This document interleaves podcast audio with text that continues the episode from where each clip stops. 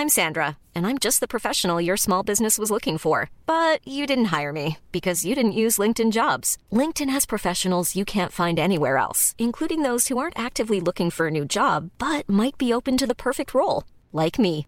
In a given month, over 70% of LinkedIn users don't visit other leading job sites. So if you're not looking on LinkedIn, you'll miss out on great candidates like Sandra. Start hiring professionals like a professional. Post your free job on linkedin.com/people today. Skit kan hända på jobbet. Skämtar du? Ska jag jobba den här helgen också? Ibland är skiten som händer på jobbet riktigt jobbig skit. Den här avdelningen, den eh, ska läggas ner. Och inte nog med det, skit händer på fritiden. Skit! Gå med i facket på kommunal.se. För att skit händer. Podplay.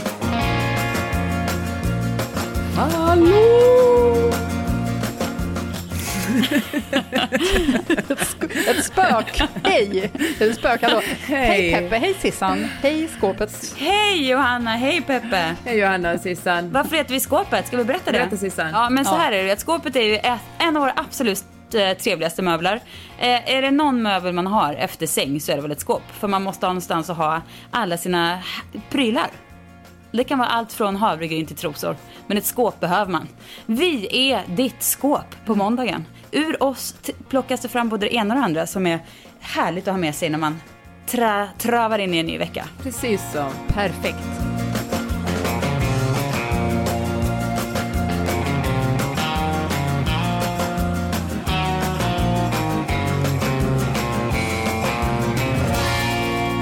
Peppe, du lever just nu drömlivet om man drömmer om att ha många djur och bo i, eh, på ett vackert ställe i Kalifornien. Men herregud, det gör jag verkligen. Jag, håller ju, jag husvaktar en kompis hus och vaktar också alla hennes djur. Och nu ska ni få höra, för det, jag ska räkna upp alla djur som finns här. Är ni med?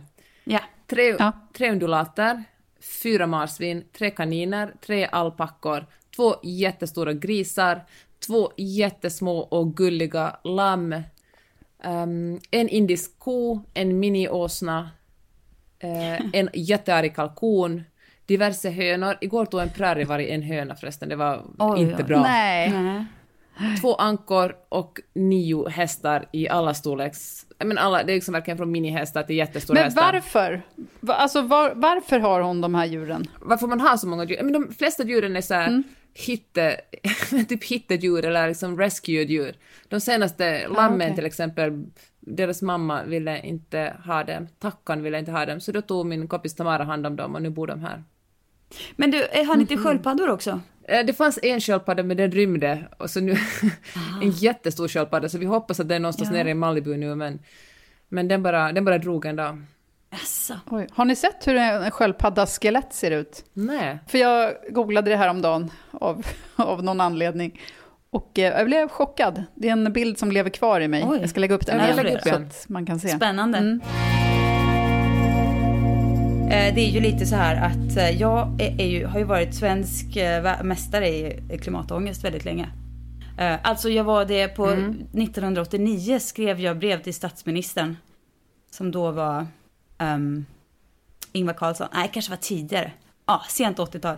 Skrev, skrev till Ingvar Carlsson. Uttryckte min, fruk- min oro, jag kunde inte sova på nätterna för att vad händer med vår, varför tar vi inte bättre hand om vår miljö? Så jag var pionjär på klimatångestfronten, har levt med det här väldigt länge, levt mycket i förnekelse och sådär. Har löst det, eller vad man ska säga, och det här kan jag rekommendera fler att göra. Genom att eh, liksom sätta sig in i det lite mer. Engagera sig lite mer. I, liksom det finns, man behöver inte läsa varenda svinjobbig artikel man ser, men man kan läsa lite nyanserat, man kan stötta olika eh, organisationer, man kan, eh, man kan försöka fånga det som är positivt som faktiskt händer i utvecklingen just nu, för det är väldigt mycket ska jag säga er. Och eh, jag läste i Naturskyddsföreningen har en otroligt bra tidning som man får när man är medlem. Eh, och den, idag läste jag i den om flygets framtid.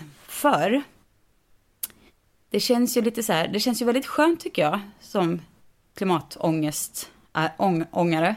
Att, eh, ja men att det blev liksom lite ett att, att det blev en, att klimatfrågan blev så, fick som fokus under pandemin. Jag läste att eh, det är 75 procent minskning Ja, precis. på, på Sveriges flygplatser. Ja, Men precis. Flög ändå inte, åtminstone Mm. i början kommer jag ihåg att det flög vissa flygbolag med tomma flyg för att hålla kvar sina slottar på, på flygplatserna. Ja, precis. Men så, Ja. det, så är det inte. Så har det inte varit. Det har verkligen varit en, en rejäl minskning sådär så att det eh, märks. Alltså det är en minskning med, vad var det, 5 miljoner ton eh, i, i utsläpp från den här. Sen är ju liksom inte flygsektorn sådär fruktansvärt stor um, koldioxidutsprutare eh, utsprutare som man kan tro Nej, ibland. det, är, bara- det är bara en lätt, det är en lätt sak att skylla på, men det är ju inte den som är den. Skönt att ni säger så, för nu vill jag inte vara storflygaren här, men som en, jag tycker det är ett, ett problem när man pratar om eh, klimatet, och så är det alltid samma sak när man talar om plast, det är liksom individens. Nu ska du som liten individ fokusera på dig själv och göra rätt. Och, jag, och det är ju viktigt, tillsammans är vi ju mycket större, alltså om vi alla gör rätt blir det bättre. Men jag tycker ändå att mycket fetare fingrar borde pekas på industrin och lagstiftningen. För Jo, men det gör det ju också. det Jo, Ja, men det håller jag verkligen Ja men så är det ju, men det gör det ju också. Alltså alla våra svenska SSAB och sådär som har våra stora och Vattenfall och sådär som har våra stora utsläppare historiskt gör ju gigantiska satsningar på att bli fossilfria och utsläpps, eh, utsläppsfria. Så, Jo, fast det är också väldigt många som bara säger i Inte- sin kommunikation att kolla, nu kommer, det här är våran gröna kollektion. Ja, men som Ja, ja, greenwashing. Nej, absolut. återvunna material. Absolut. Alltså, Nej, det är nej, ju men- väldigt mycket greenwashing som pågår. Så är det absolut, så är det Mm. absolut. Men, och jag, men jag tror att företagen, det är ju en helt annat, ett, ändå ett helt annat fokus på det än vad det har varit. Jag tror att, eh, jag menar, man vet att ett företag som Shane till exempel, eller de här klädbjässen, att det är liksom, Mm. det är ju lite lortigt att handla från ett sånt ställe. Men jag tror att flyget har fått så mycket fokus är ju för att det är en sån, vi rika västerlänningar, det är ju det i, liksom vad vi kan göra enskilt på individnivå är ju att eh, se över eh, vad vi äter och vad, hur vi transporterar oss och var vi investerar våra pengar och vad vi har för energi till våra hus. Och då, därför är ju flygningen fått så otroligt mycket skit. Så. Men med det sagt så vill ju ingen av oss liksom helt sluta resa. Och då skulle jag komma fram till klimatpositiva eh, nyheter då, är att i den här, eh, som alltså var på Naturskyddsföreningens tidning, så skriver man om flyget och att eh, man inte tror att den kommer liksom hoppa tillbaks till, det finns inga tecken som tyder på att det skulle hoppa tillbaks till innan, för flygningen börjar minska redan 2000, redan 2019 såg man mycket, var det mycket mindre flygning. Eh, man tror I inte att det kommer Sverige eller globalt? I, ah, det vet jag faktiskt inte globalt, men i Sverige absolut. Och det är väl säkert ett tecken på hur det funkar globalt kan man tänka sig. Men man tror i alla fall inte att det kommer hoppa tillbaka till samma höga nivåer som innan. Det är in, liksom inom de närmsta fem åren.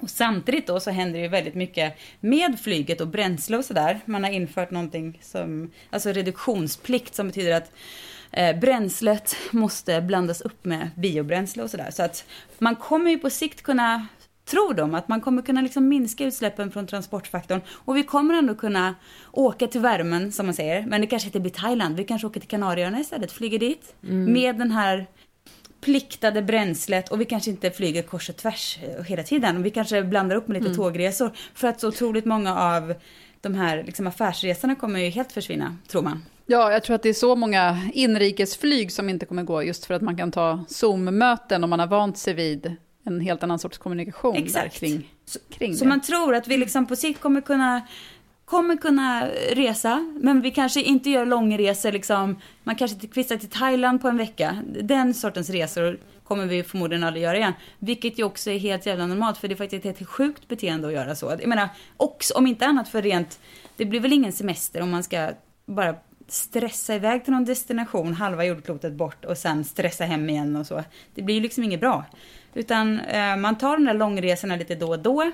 Man kanske gör lite kortare resor här och där och man eh, tågar och eh, struntar i affärsresorna så kommer vi kunna liksom ha våra semester ändå. Var inte det härligt? Det blev jag jätteupprymd av. Hörru, jag tycker det är så intressant det där hur allting vi gör är, handlar om kultur, hur vi liksom är vana att göra saker. Att, och när vi är vana vid någonting tror vi att det här är sättet, det är det enda sättet vi kan göra det på, det här är det enda sättet att få en bra semester på, eller, eller det här är det enda sättet hur, vi ska, hur man äter. Och jag skrev nyligen ett, ett, eh, en artikel om fiskindustrin. Jag faktiskt lite inspirerad av en dokumentär som jag inte ens har sett, men som jag då passar på att läsa mycket om, den här Netflix-dokumentären Seaspiracy. Har ni sett den? Nej. Det kom ju ut, uh, Cowspiracy kom ju ut för några år sedan som handlar om köttindustrin. Ja. Och det fick faktiskt min man att bli vegan under några månader. Sen nu äter han uh, animaliska produkter igen, inte lika mycket. Men den var, det var en stark dokumentär. Ja, den var verkligen, Och, den eh, påverkade mig mm. i grunden skulle jag säga. Ja.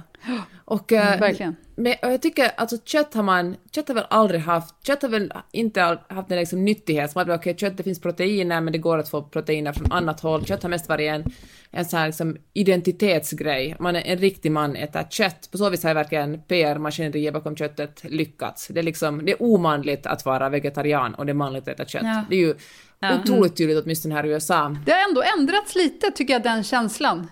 Ja. Alltså senaste, senaste åren. Det känns ändå som att det är liksom lite coolare status, bland, Ja. alltså just om man är kille och vegetarian. Ja, eller till och med vegan här i liksom, veganstatusen har ju också fått ett lyft måste man säga. Här i LA finns det otroligt många bra, supertrendiga veganrestauranger. Skulle inte säga att det är mainstream och det här gäller ju verkligen inte i Oklahoma eller liksom Texas, men, men på andra håll i USA. Men då har ju alltid, det har ju liksom, folk som går omkring och säger att de är vegetarianer äter ju ibland fisk också och, eh, eller är Stockholms vegetarian eller vad man nu är liksom. Vad heter, vad heter det när man är peska... Flexitarian. Flexitarian. En flexitarian är väl som jag, en sån där som äter huvudsakligen vegetariskt och sen ibland så petar jag i mig en korv om man blir sugen. Men i alla fall, du har fisken. Fisken har ju länge, upplever jag i alla fall, haft det här. Det, man blir klok av att äta fisk, det hörde man när man var barn. Ät fisk, det är bra att äta fisk. Det är som att tvinga ner fisk i sina barn och i sig själv. Och eh, bra omega-3-fetter och det ena och det andra. Sen jag blev gravid var det ju så att absolut inte äta insjöfisk för det finns så mycket gifter i dem. Och några andra, vissa liksom Östersjöfiskar var också på no-go zonlistan. Men nu när jag läste på det här så fiskeriet, alltså fisken är slut. Hur gärna vi än vill tro att, eh, och det är hälsosamt, vi tror att det är hälsosamt för oss, så finns det ingen fisk. Alltså det har överfiskat så mycket. Och då handlar det såklart inte det som man står själv och fiskar upp eh, en enstaka abborre och gädda här och där, utan liksom det stora massiva trålfisket. För när man trålar upp fisk, alltså att ha så nät som bara liksom dras upp längs med botten, då får man upp någonting som kallas, kallas bifångst, och den bifångsten kan vara upp till 40 procent. Och de djuren gör man ingenting med, så de slänger man tillbaka, men då har de hunnit dö. Så då liksom offrar man otroligt många djurliv, också däggdjur, alltså man drar upp valar och delfiner. Utanför Frankrikes kust så dör man ungefär drygt, alltså, mass, alltså tiotusentals delfiner bara, ja men, får uh, offra sina liv för att eh, vi ska ha fisk. Alltså fisket är på ett sätt är det för effektivt men samtidigt är det för klumpigt. Men ni vet ju liksom Beyond Meat och, och Impossible Beef, de, alla de företagen håller nu på att göra liksom den växtbaserad, en växtbaserad ver- version av fisk för att folk ska kunna fortsätta få den sköna känslan man får när man äter fisk, men ändå inte fiska Okej. ihjäl haven. Och så finns det också så här labbproducerad fisk som man liksom med stamceller håller på att skapa, för då ska man, jag menar, med linser och bönor kanske det är svårt att få de här omega-3-fetterna, men om man eh, liksom får mu- fiskmuskler att eh, växa laboratorier, så då kan man få liksom allt bra med fisken utan att nå delfiner eller valar behöver offra sina liv för det. Jag vet inte, varför låter det så himla mycket äckligare med konstgjord fisk än med konstgjord kött? Det är så konstigt, varför gör det det? För att fisk i sig är ju ganska snuskigt i, kval- liksom sin, vad ska man, i kvaliteten, Nej, men vad säger man, i sin väldigt slem, slemmig grund. Men alltså jag, jag kan inte känna något, något behov av att köpa ett, så här, ett, ett fejkat torskblock.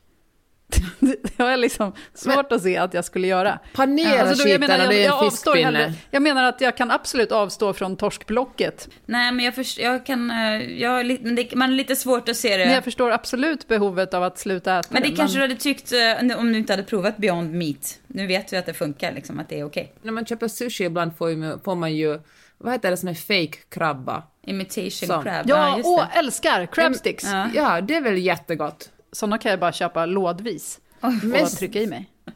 Gott. Nu I chipsskålen på fredagen. Lägger du fram det då? Ja. Typ, faktiskt. I Frankrike finns det sådana som har olika fyllningar. De har så här hummusfyllning eller någon så här örtfyllning och Va? sånt. Ja, och så bara äter man dem som ett litet rör. Nej men gud vad mysigt. Ja, det är jättehärligt. Ah. Ja, men mitt, mitt budskap här är fisken är slut, ät vegetariskt. Prova Sveriges godaste burgare. Nu med fyllig salsa, jalapeño majonnäs, picklad rödlök och krispiga ostnachos. Nu är Crunchy Nacho tillbaka. Beställ och betala direkt i appen så är maten klar när du kommer fram. Välkommen till Max. Det är dags att säga farväl till och hej till Dracarys. För HBO Max är här. Streama allt du älskar, bland annat The Suicide Squad och Zack Sniders Justice League. Spara 50% livet ut så länge du behåller ditt månadsabonnemang. Registrera dig på hbomax.com senast 30 november. Se villkor på hbomax.com. Då ska jag göra ett sista litet uh, hållbarhetspepp här. Eh, Ja, för jag tänkte det, för du gick upp på skalan och sen så kom Peppe här med sin Jemen-stämning. Ja, men det är som vanligt. Du, även om du säger det med en, liksom en röst som, lå, som har lite så här, viss domedagston så är det du ändå någonstans berättar här är att det finns ju fiskalternativ framåt. Ja, verkligen. Goda nyheter. Man behöver inte äta fisk för att äta fisk. Nej, vi, vi fokade mest på det negativa och läskiga i det hela. I gammal god anda. Ja. Men då, då vill jag avsluta med att det är ju så här trädgårdssäsong. Eh, och eh, ni vet, vi som bor i hus eh, det, vet ju att det är mycket löv, det är gräsmattor och det är sånt som ska klippas och sådär. Och då, det, ni vet ju att eh, bina har ju alltså på ett otroligt skrämmande vis minskat i, i mängd senaste åren. Och jag läste någonstans att om, om, låt oss säga att alla bin skulle dö, då har människan fyra år att leva alltså. Vi klarar oss inte, människan klarar sig inte mer än fyra år utan bin. Eh, så det är ju förstås någonting som eh, Eh, är värt att prioritera, binas överlevnad. Men den glada nyheten är att det har ju alla insett nu, så att man gör ju enorma eh, satsningar. Ni vet, både hur man helt plötsligt eh, såna här rondeller som brukar vara så här hårdklippta, helt plötsligt växer det ängsmark och sånt där eh, i dem. Och, ja. Det är ju ett led i det här och man, ser, man kan se att, det fin- att bina kommer tillbaka. De ökar i mängd i delar av eh, världen i alla fall. Eh, så, när man håller på med sina trädgårdar nu, vi har till exempel på vår baksida en liten så här Ja, en liten G-string som bara är som en liten gräs... Remsa liksom. Ingen bryr sig om. Jättejobbig att klippa. Perfekt ställe att bara så ut lite ängs... Eh, fram på istället. Slipper man, slipper man klippa. Jättefint. Bina stormtrivs. Och när man har såna här små lövhögar och sånt där och tänker så här, gud, jag borde verkligen gå ut och kratta och ta hand om min trädgård. Nej, strunta i det. Låt det vara, för det tycker bin jätte... Eller igelkottar till exempel tycker sånt är jättemysigt. Och eh, att inte klippa gräsmattan sådär hårdklippt jätteofta, också jättebra, för det gillar bina. Så var, alltså chilla lite mer. Bara plantera mysiga saker i och klipp inte så mycket. Och låt den vara lite fröjdig. Det är som eh, alla buskar borde vara, enligt min mening. Fröjd, frodiga.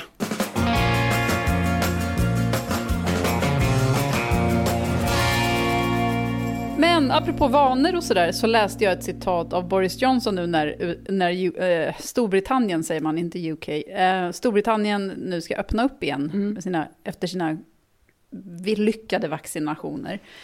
Att han säger att det första han ska göra när, när, eh, när restriktionerna lyfts är att gå till puben och försiktigt höja en öl till sin mun. Och då tänkte man säga, det låter ju supermysigt. Ja. Men, och så tänkte man säga, men tänk om det var Stefan Löfven som sa det.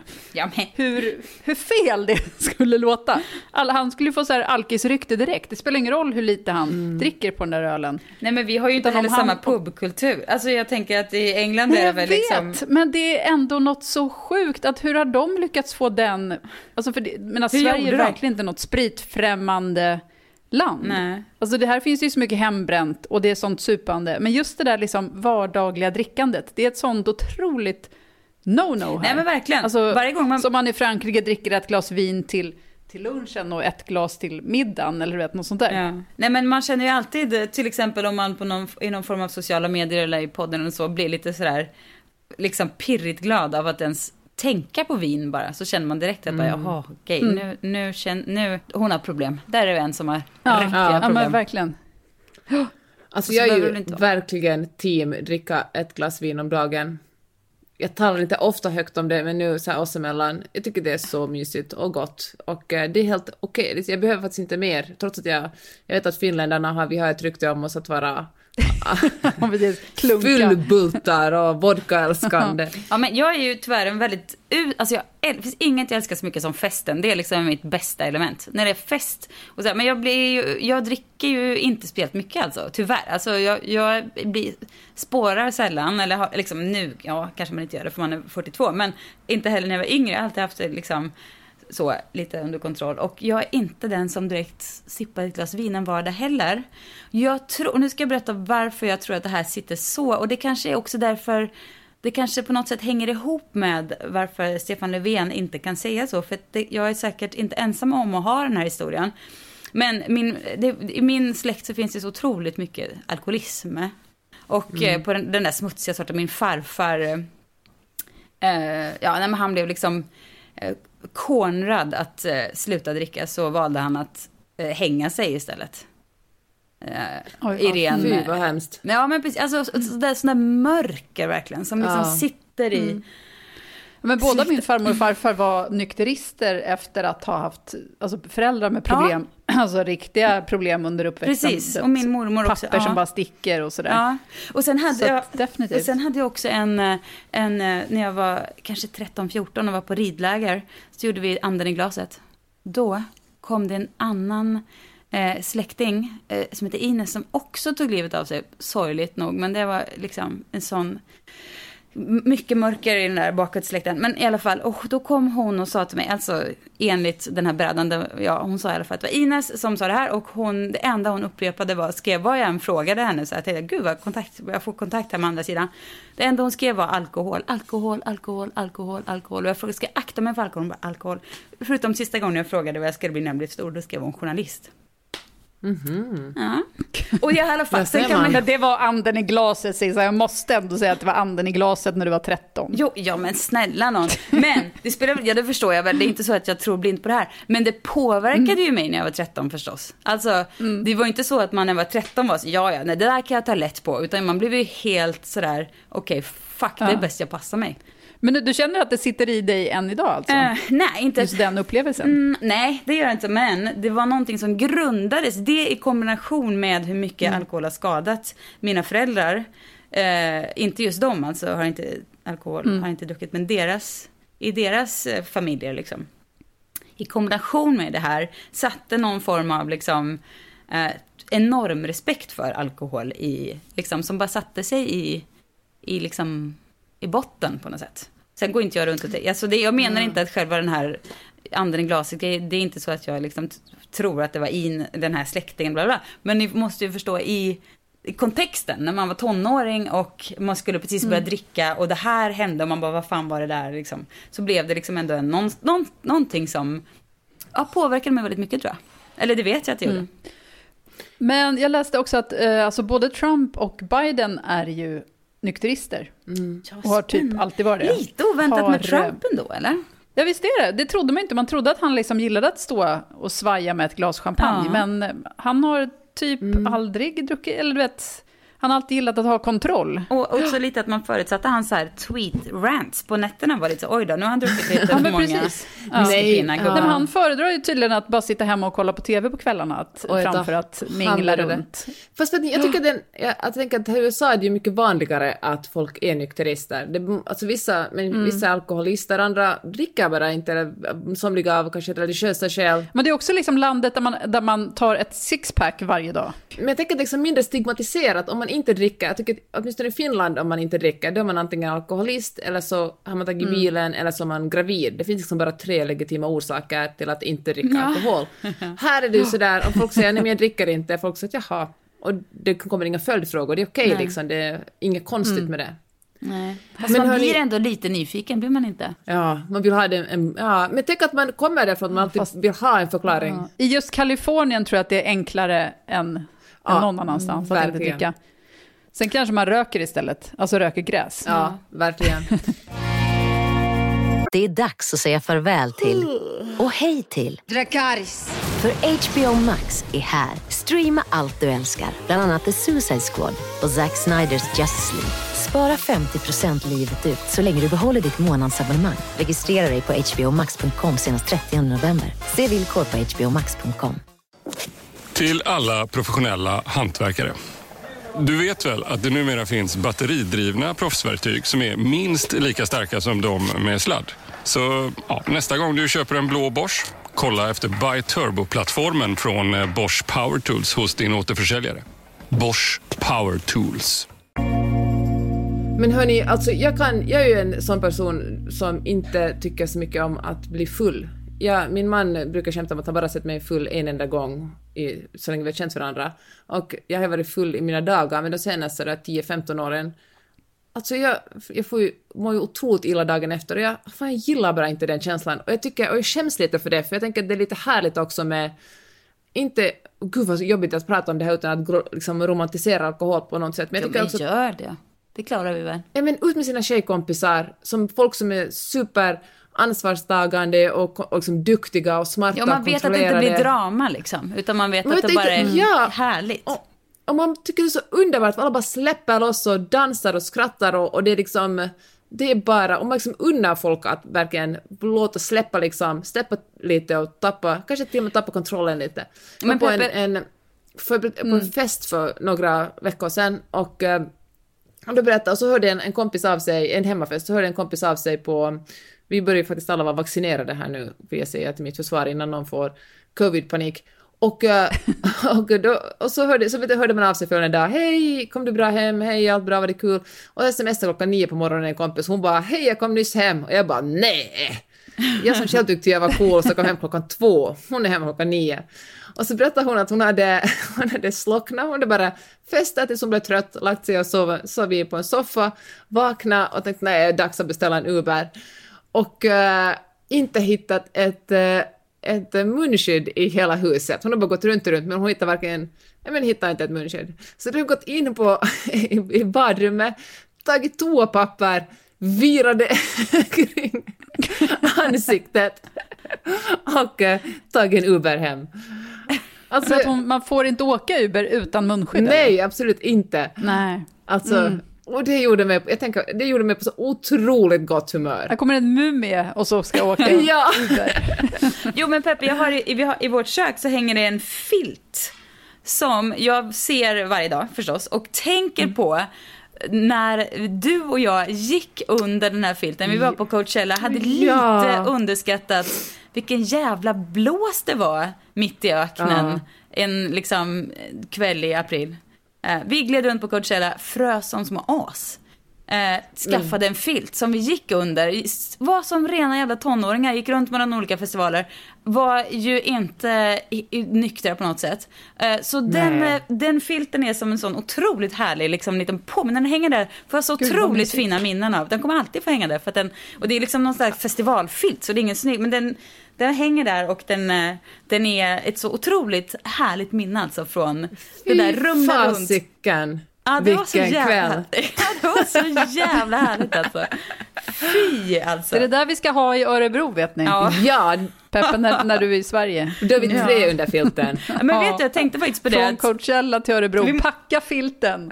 Gör er redo. Jag tänkte på det att vi måste börja boka vår liksom, konferens, vår Skåpet-konferens i sommar. Ja. Och då så började jag tänka så här, mm, vi kanske ska ta, men sen så bara, nej fuck, jag kan inte bo, vi kan inte åka till något ställe vi ska sitta och mysa ut i skogen. Det måste vara fest. Men, och då kanske är Örebro bra. Eller så får det bli Göteborg, jag vet inte. Men det måste vara något ställe där vi, mm. där vi kan ha, eh, gå runt under en filt och eh, lalla. Verkligen. Ja, ja. precis. Mm. Så det är liksom det minsta. Vi kan inte lalla runt i skogen. Men Nej. det är väl inget så här, det är konstigt alltså. Man, man, måste ju inte bara för att man gillar vin. Det är ju som att man inte, liksom att det är så här oansvarigt och så här romantisera alkohol och så. Men jag menar de flesta av oss är väl ändå ganska klarar ju att dricka. Ja, jag tycker att det går ganska bra. Jag tycker att det är fler än någonsin som är liksom så intresserade av vin på ett så här fint sätt. Sen finns det säkert vissa av dem som spårar mm. också, men det finns ju ett, ett helt... Det är klart det finns ett rumsrent intresse, det är ju bara för att man själv, alltså om man...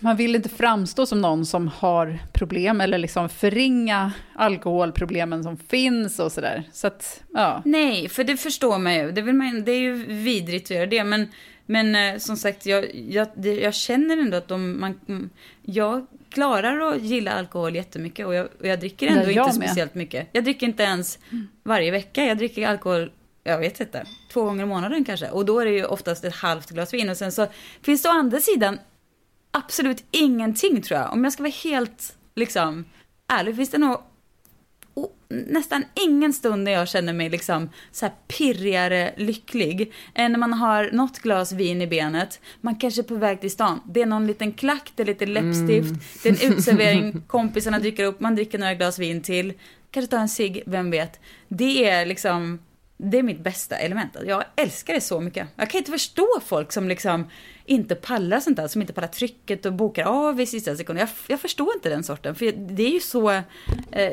det finns inget bättre än det där.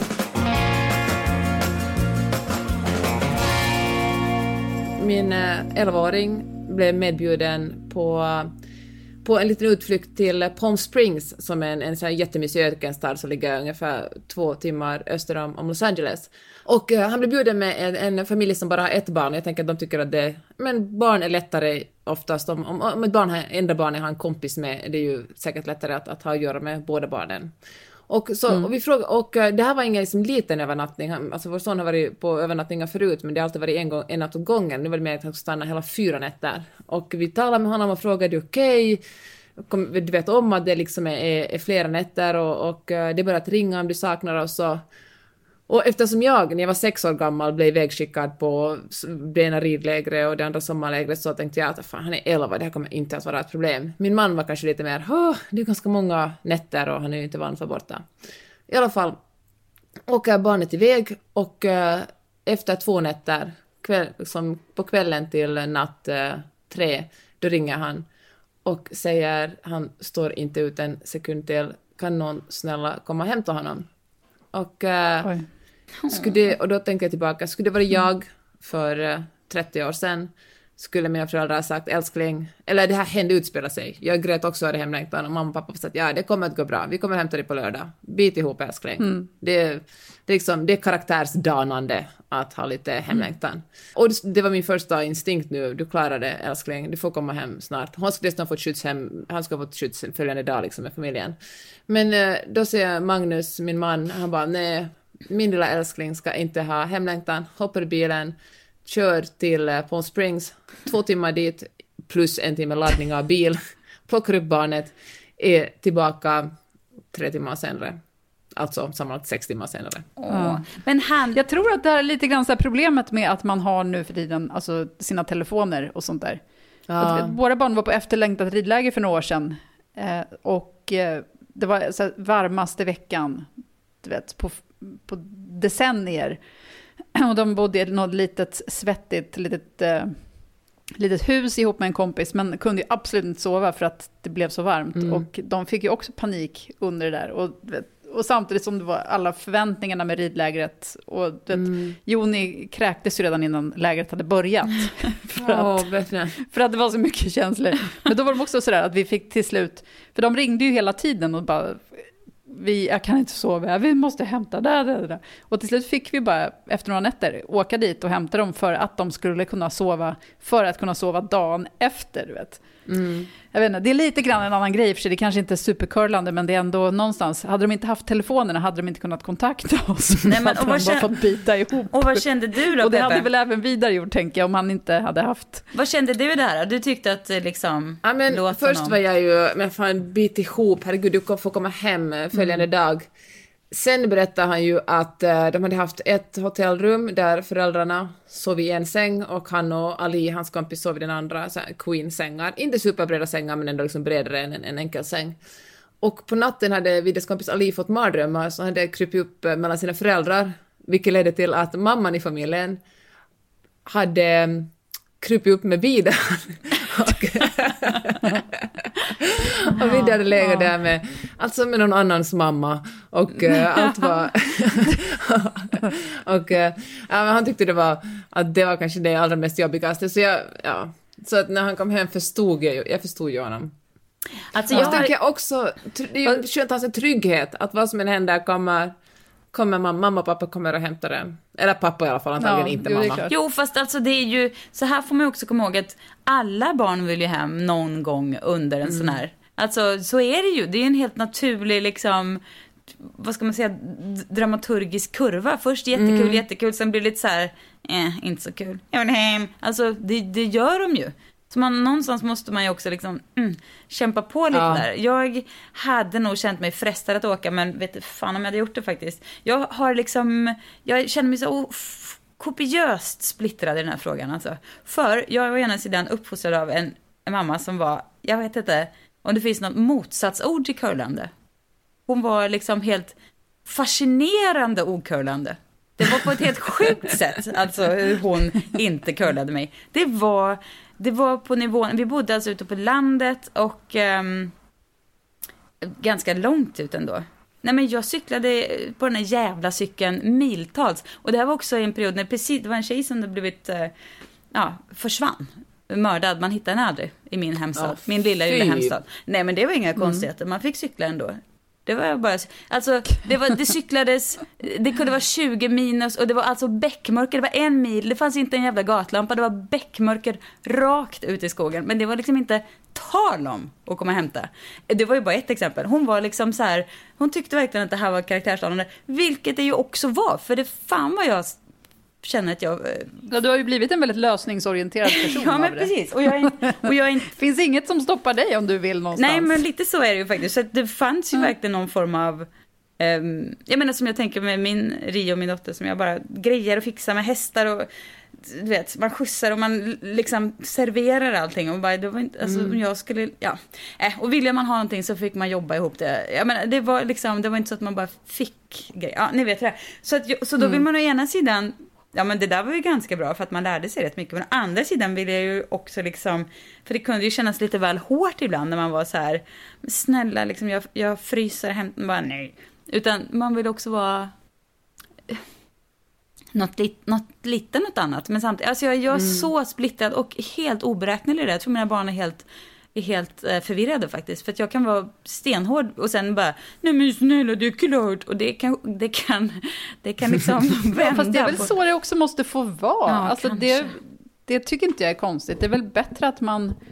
Att de, kan, de vet att de kan räkna med en, men samtidigt så Det kanske inte gör tar man det för inte givet. allt de ber Nej, om. Nej, precis. precis. Nej, men det kanske är så. Jag har men jag har själv väldigt, eh, väldigt så här eh, sp spretig kompass i, här, i den frågan alltså. Jag, Ja, ja, gud, jag med. Det, Den är fram och tillbaka det, alltså. går, det går verkligen upp och ner och fram och tillbaka. Ja. Men eh, det är ju ändå någon form av kärlek kan jag tycka. Mm. Att åka till Palm Springs och hämta sitt barn. Det är ju det.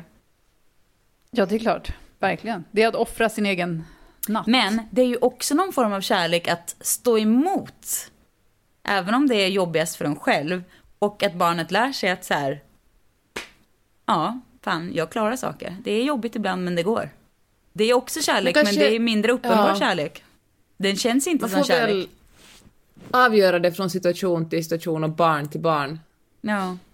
Jag kan också bli alltså, vansinnigt provocerad av kompisar eh, vars barn, alltså vansinnigt provocerad för mig själv, för folk får göra precis som de vill. Men jag menar inombords kan jag bli så här "Nja", på eh, så kompisar som har barn som bara mjäkar och pjoskar sönder. Så man bara, det, du, s- ungen blir ju helt sabbad liksom. Man måste ju klara lite saker själva när man hela, hela, hela tiden bara krattar och sopar och fixar och grejer. Då blir det ju en gentjänst för ungen. De, till slut så kan de ju inte ens ta sig ut ur huset liksom. Det känns lite amerikanskt. Alltså det är så här, här är folk ju rädda för allting. Att den amerikanska kulturen baserar ju sig på rädsla. Och eh, då blir barnen skjutsade precis överallt. Också för det på många ställen inte ens finns möjlighet att cykla eller gå. Men eh, sen när de börjar middle school, eller absolut senast när de får körkort, då ska de plötsligt vara någon slags halvvuxna och eh, kan eh, ta sig från ett ställe till ett annat och, och ska sköta allting själv, vilket väldigt få av dem kan. Det blir liksom en, finns liksom ingen inkörsport i eh, att bli vuxen, utan det är verkligen den ena kontrasten till den andra.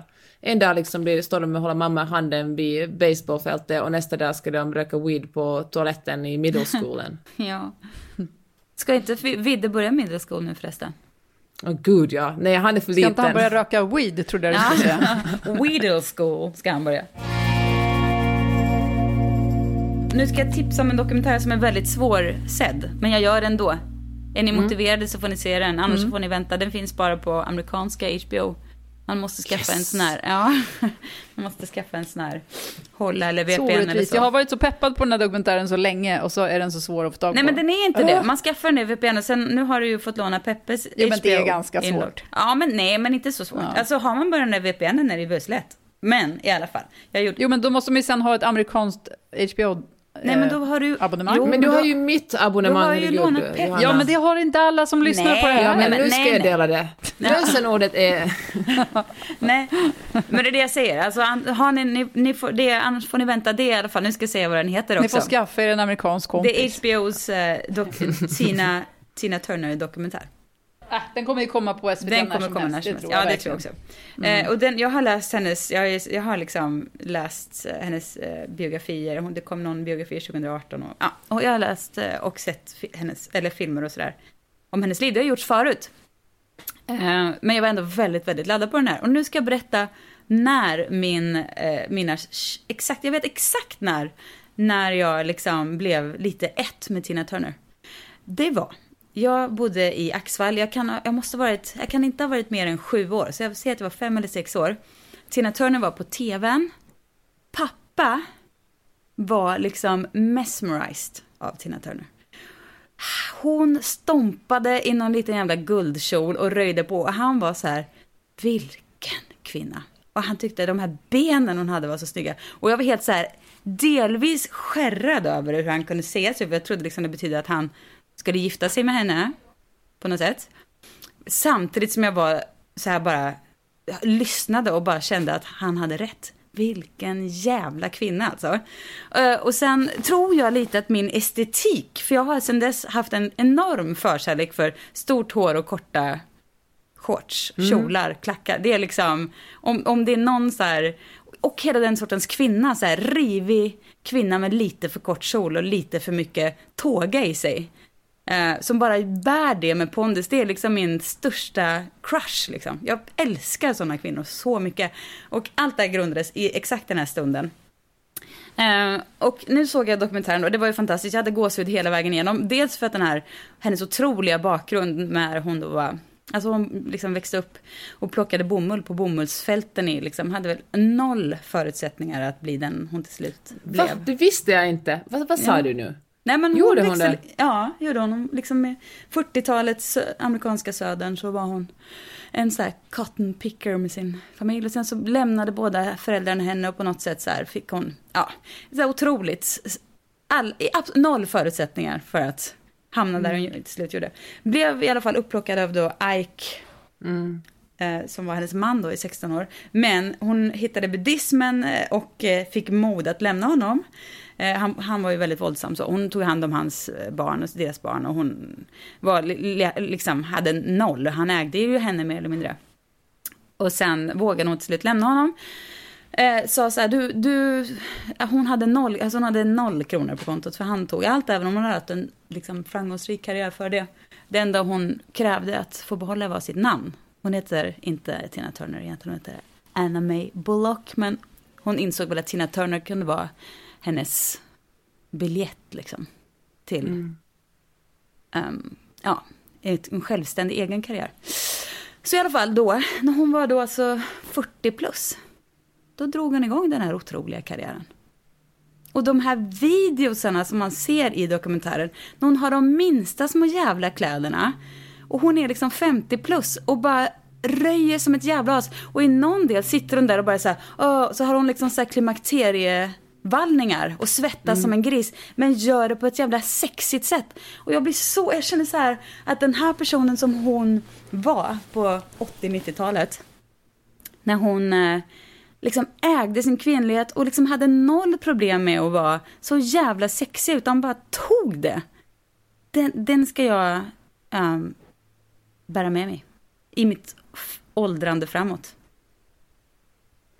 Vet du, när, vi, när du sa att du ville tala om, om kvinnliga förebilder tänkte jag på att jag inte har en enda kvinnlig förebild, eller manlig för den delen. Min syrra sa faktiskt häromdagen till mig, mina föräldrar skilde sig när jag var så här 11 kanske, och du sa hon hade tänkt på att när vi växte upp, eller var tonåringar, hade vi inte en manlig förebild. Alltså vi liksom aldrig vuxit upp med en sån. Nej. Ja, du, du, vuxit, du växte inte upp med din pappa nej, alls? nej men typ, han flyttade till Tyskland ganska fort efter att de skilde sig, så då hälsade vi på honom typ på somrarna och Jag hade två veckor ingen. på somrarna. Mm. Ja. Ja. Och, eh, men nu Men när du vi säljer in fråga. det- Ja. Alltså, ja, men, alltså, för jag hade inte heller någon manlig förebild och jag tror att det är därför vi är så otroligt så här, grundskeptiska till exakt alla män. För att vi aldrig haft någon som har varit så här riktigt bra. Ja, Ja, alltså, och ja, jag har det faktiskt aldrig själv tänkt på. tänkt på det. Fast jag har haft en jättebra pappa som, som jag är uppväxt med. Jag är ändå grundskeptisk. Ja, men ja, okej då. Ja, men, Eller? Är jag, är jag skeptisk på ett annat Ja, sätt? jag tycker du, än- känns än ändå, du kan ändå ha förståelse för att jag, jag förutsätter, min inställning är att alla män, de kommer, de kommer blåsa mig liksom. Möjligtvis inte Per, Ja. på honom litar jag på, men annars är det liksom, har jag ing, jag har, min, mina förväntningar på män är så extremt låga alltså. Ja, det kan jag känna igen mig i. Ja, och det måste ju vara någon skada från barndomen helt enkelt, Ja, tänker jag. Ja. för du ser ju Johanna ändå att män kan vara liksom bra människor. Alltså, du kan ju, jag Ja. menar du är ju Ja, grundskeptisk precis. också, du kan ju vara så att nej Ja, men nu ska vi inte, nu ska vi bara... Jag är kanske skeptisk mot alla. Jag Ja. är så här lika, Det- lika Ja. för alla. Jag är skeptisk mot kvinnor, jag är skeptisk mot män. ja, men Peppe, förlåt, nu störde jag din, din historia, fortsätt.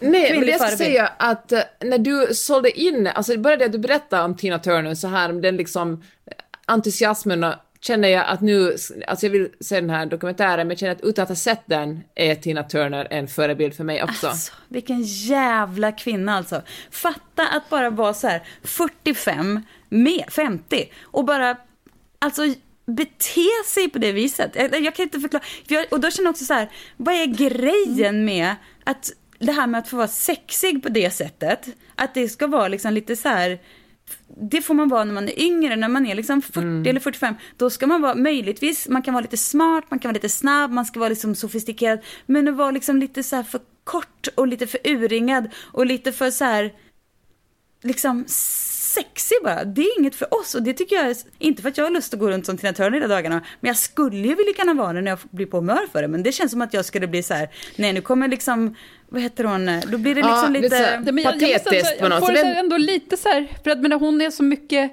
mer, alltså jag förstår att du tycker att hon är mer än bara sexig, men jag tycker ändå att det blir så här, jag, jag, det vrider lite på mig när Mm. man, när man beskriver henne som att, att just hennes sexighet och att hon är gammal och sexig nej, som nej, gör men- henne speciell. Nej, det är klart inte. Ja, men jag vet, att, jag vet, men jag säger bara att det, Fast det, det, är det, det säger som gör henne speciell. För att det är inte många kvinnor som... Ja, men hon har ju också, alltså hon har ju en otrolig karriär. Ja, och ja, den, men snälla alltså, det hänger ju inte Nej, bara på att hon har struttat Nej. sexigt på en scen. Nej, men det har jag absolut inte sagt. Hon har ju, hon har ju alltså en förmåga som absolut ingen annan har. Och det retade retar ihjäl med att det är så här, män som Mick Jagger som liksom man ser framför sig när man tänker rockikoner. När Tina Turner finns och är liksom Alltså, jag vet, ja, men hon är ojämförlig alltså, i sin jävla pondus. Men det som jag ville lyfta fram här och som, och som, var, som talade till mig i min egen ålder och fas nu. Alltså, jag menar som musikperson, det är ju så här, det, det behöver vi inte ens diskutera. Det är ju helt, uh,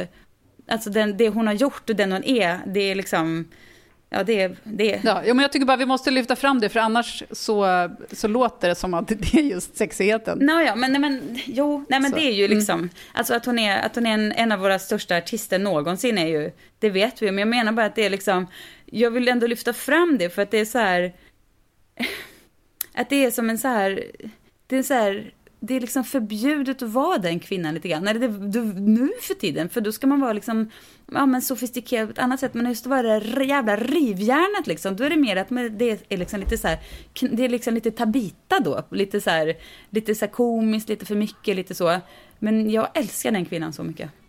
Den där röjiga aset som liksom inte riktigt låter sig begränsas av eh, någon slags förväntning på hur man ska Men- vara enligt en viss ålder eller Nu position. har jag inte tänkt igenom det här innan jag pratar, så ni får eh, vara snälla mot, det, mot mina tankar. Men kan det vara så här att, att det inte handlar om rättigheten att vara sexig, utan det handlar tvärtom att att fan kvinnor blir liksom osynliga när de fyller så här 45, 50 och uppåt, då ska man helst inte... Att kvinnor liksom har en rätt att, att existera bara när de eh, är unga och snygga. Och då tas de kanske inte på samma allvar. Men att hon, men Tina Turner gör så mycket mer. Hon liksom, hon ger ett, ett fuck you åt det. Ja, och, ja, men det är det som är sexigt. Ja, hon är inte det typiska, hon är inte sexig på som vi kanske tänker är sexigt, och pluta med mun. Hon är, hon är ju svettig som en gris. Hon sitter och stånkar med sina klimakterievallingar. Hon är sexig för att hon är allt det där. Och inte liksom försöker vara något annat än bara ett jävla jävla ånglok liksom. Det är Ja, det som gör henne sexig. Jag menar Fuck att hon- you till klä dig efter din ålder. Mm, Är jag ja. för gammal för det här? För det är ju, fan det tänker jag mycket på att, att det är ju vidrigt om man håller på på något sätt eh, liksom åldersblocka sig själv. Och tänka, kan jag göra det här för att nu är jag över 40? Det är ju Nej. otroligt sorgligt. Det är så otroligt och Mm. tråkigt också. Jag kände så här att jag, jag ska liksom... Det måste bli mycket, mycket högre klackar och mycket kortare kjolar ett tag nu. Jag känner att det är så här, inte för, inte för att jag liksom... Men som en hommage till Tina När du Turner. sitter hemma och vaktar barnen. Nej men som, som en hommage till Tina ske. Turner och för att också så här.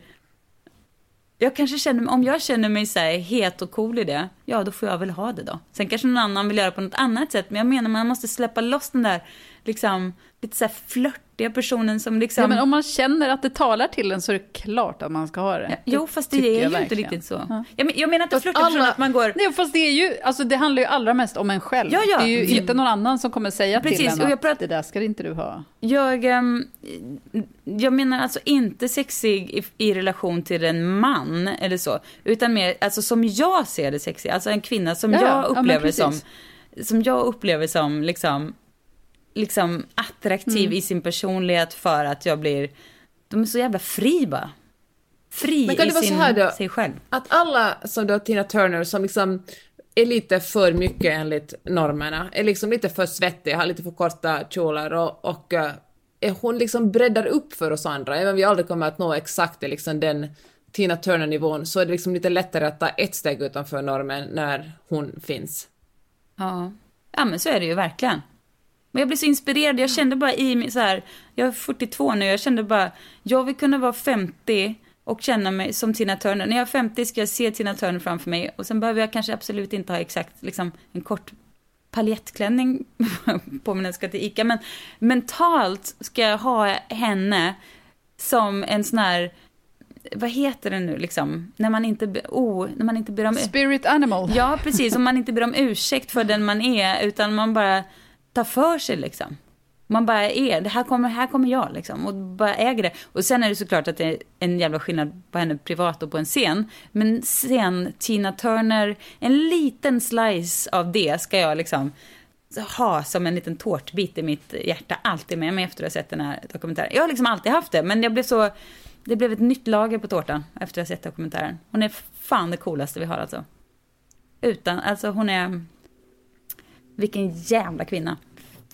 Det, ja. Kul. Ja. Ja, jag vill verkligen se Ja, den. nu är det bara hopp iväg och se den. Den är otrolig. Men också bara bildgoogla Tina Turner är en fröjd, kan jag säga.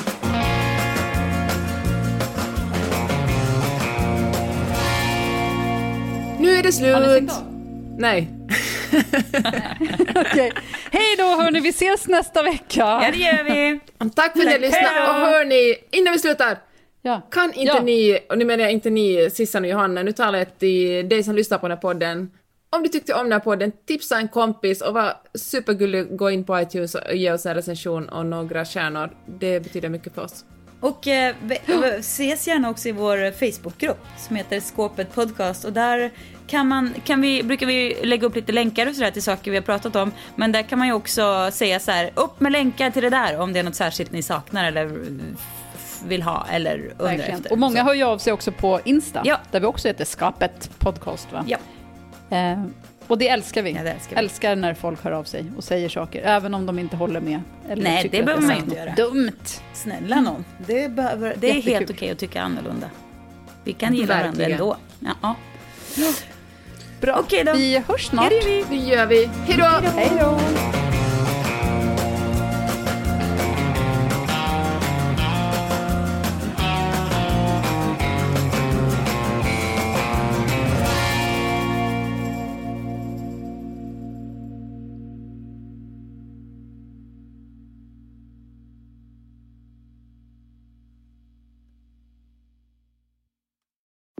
Prova Sveriges godaste burgare. Nu med fyllig salsa, jalapeno majonnäs, picklad rödlök och krispiga ostnachos. Nu är Crunchy Nacho tillbaka. Beställ och betala direkt i appen. Så är maten klar när du kommer fram. Välkommen till Max. Imagine the softest sheets you've ever felt. Now imagine them getting even softer over time. That's what you'll feel with Bowl and Branch's organic cotton sheets. In a recent customer survey, 96% replied that Bowl and Branch sheets get softer with every wash. Start getting your best night's sleep in these sheets that get softer and softer for years to come. Try their sheets with a 30-night guarantee. Plus, get 15% off your first order at bowlandbranch.com. Code BUTTERY. Exclusions apply. See site for details. Planning for your next trip? Elevate your travel style with Quince. Quince has all the jet setting essentials you'll want for your next getaway, like European linen, premium luggage options, buttery soft Italian leather bags, and so much more. And is all priced at 50 to 80% less than similar brands. Plus, Quince only works with factories that use safe and ethical manufacturing practices. Pack your bags with high-quality essentials you'll be wearing for vacations to come with Quince. Go to quince.com slash pack for free shipping and 365-day returns.